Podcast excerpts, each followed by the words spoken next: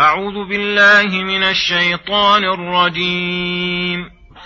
واللائي يئسن من المحيض من نسائكم إن ارتبتم فعدتهن ثلاثة أشهر واللائي لم يحضن وأولاة الأحمال أجلهن أن يضعن حملهن ومن يتق الله يجعل له من أمره يسرا ذلك أمر الله أنزله إليكم ومن يتق الله يكفر عنه سيئاته ويعظم له اجرا اسكنوهن من حيث سكنتم من وجدكم ولا تضاروهن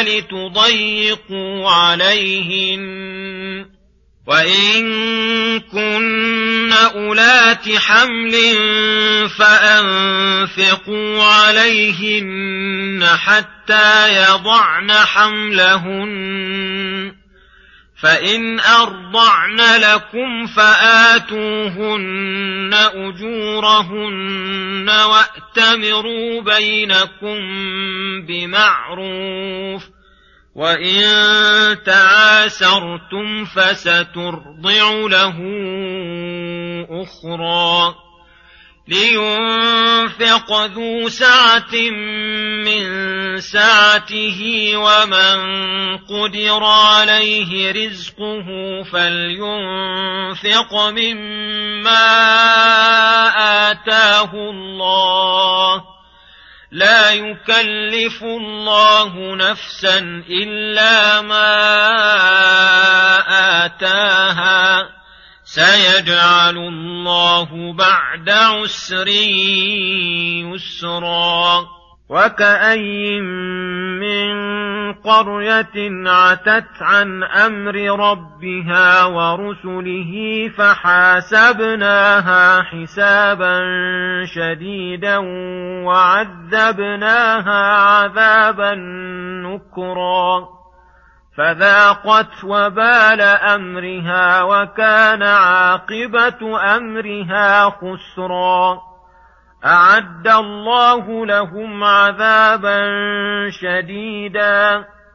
فاتقوا الله يا أولي الألباب الذين آمنوا. قد أنزل الله إليكم ذكرا. رسولا يتلو عليكم ايات الله مبينات ليخرج الذين امنوا وعملوا الصالحات من الظلمات إلى النور ومن يؤمن بالله ويعمل صالحا يدخله جنات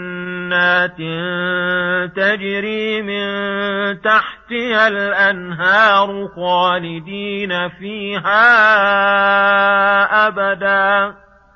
قد أحسن الله له رزقا. الله الذي خلق سبع سماوات ومن الأرض مثلهن يتنزل الأمر بينهن لتعلموا لتعلموا أن الله على كل شيء قدير وأن الله قد أحاط بكل شيء علما. بسم الله الرحمن الرحيم. السلام عليكم ورحمة الله وبركاته. يقول الله سبحانه واللائي يئسن من المحيض من نسائكم إن ارتبتم فعدة فعدتهن ثلاثة أشهر. الآيات. لما ذكر تعالى أن الطلاق المأمور به يكون لعدة النساء ذكر العدة فقال واللائي يئسن من المحيض من نسائكم إن ارتبتم. بأن كن يحضن ثم ارتفع حيضهن لكبر أو غيره ولم يرج رجوعه فعدتهن ثلاثة أشهر جعل كل شهر مقابلة حيضة. واللائي لم يحضن أي الصغار اللاتي لم يأتهن الحيض بعد أو البالغات اللاتي لم يأتهن حيض بالكلية فإنهن كالآيسات عدتهن ثلاثة أشهر. وأما اللائي يحضن فذكر الله عدتهن في قوله والمطلقات يتربصن بأنفسهن ثلاثة قروء. وقوله وأولاة الأحمال أجلهن.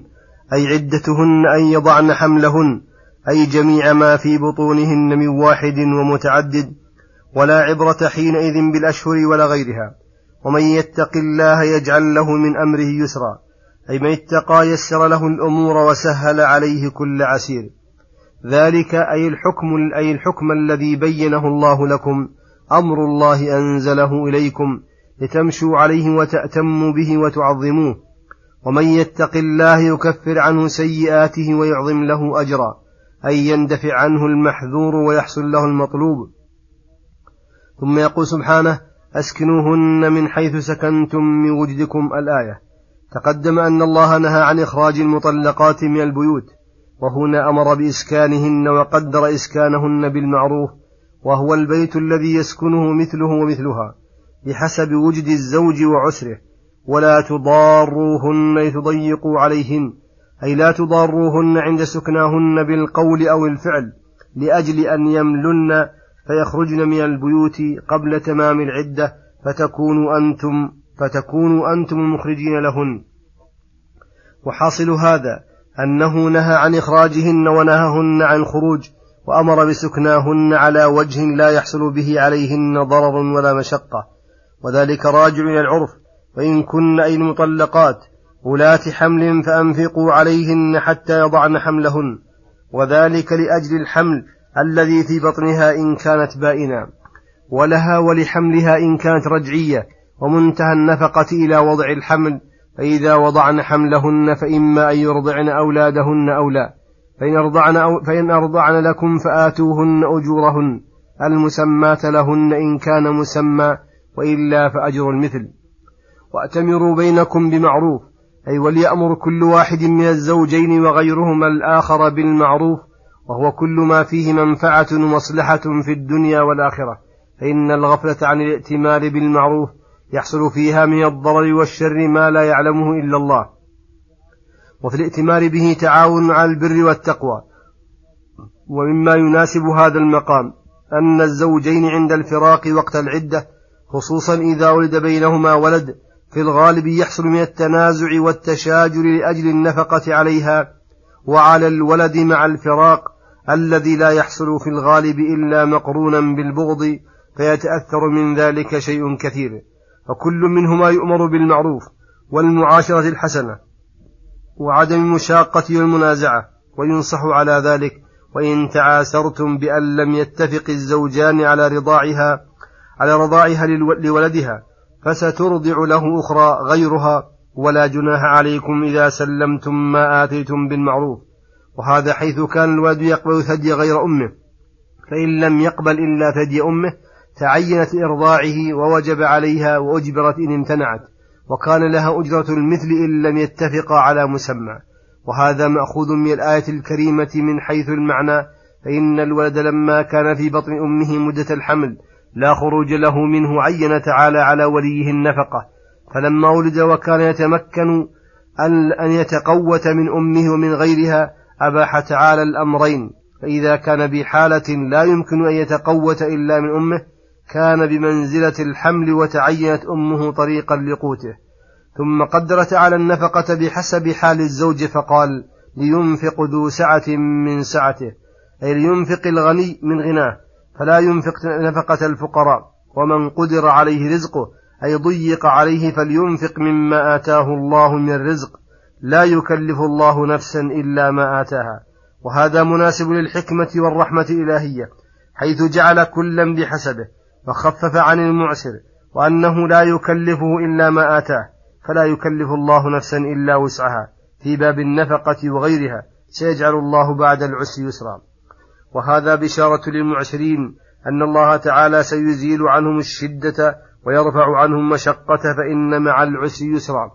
ثم يخبر تعالى عن إهلاك الأمم العاتية والقرون المكذبة الرسل وأن كثرتهم وقوتهم لم تغن عنهم شيئا حين جاءهم الحساب الشديد والعذاب الأليم. وأن الله أذاقهم من العذاب ما هو موجب ما هو موجب أعمالهم السيئة ومع عذاب الآخرة ومع عذاب الدنيا فإن الله عد لهم في الآخرة عذابا شديدا. فاتقوا الله يا أولي الألباب. أي يا ذوي العقول التي تفهم عن الله آياته وعبره وأن الذي أهلك القرون الماضية بتكذيبهم أن من بعدهم مثلهم لا فرق بين الطائفتين. ثم ذكر عباده المؤمنين بما أنزل عليهم من كتابه الذي أنزله على رسوله محمد صلى الله عليه وسلم. ليخرج الخلق من ظلمات الجهل والكفر والمعصية إلى نور العلم والإيمان والطاعة. فمن الناس من آمن به ومنهم من لم يؤمن به. من يؤمن بالله ويعمل صالحا من الواجبات والمستحبات. يدخله جنات تجري من تحت أنهار. فيها من النعيم المقيم ما لا عين رأت ولا أذن سمعت ولا خطر على قلب بشر. خالدين فيها أبدا. قد أحسن الله له رزقا.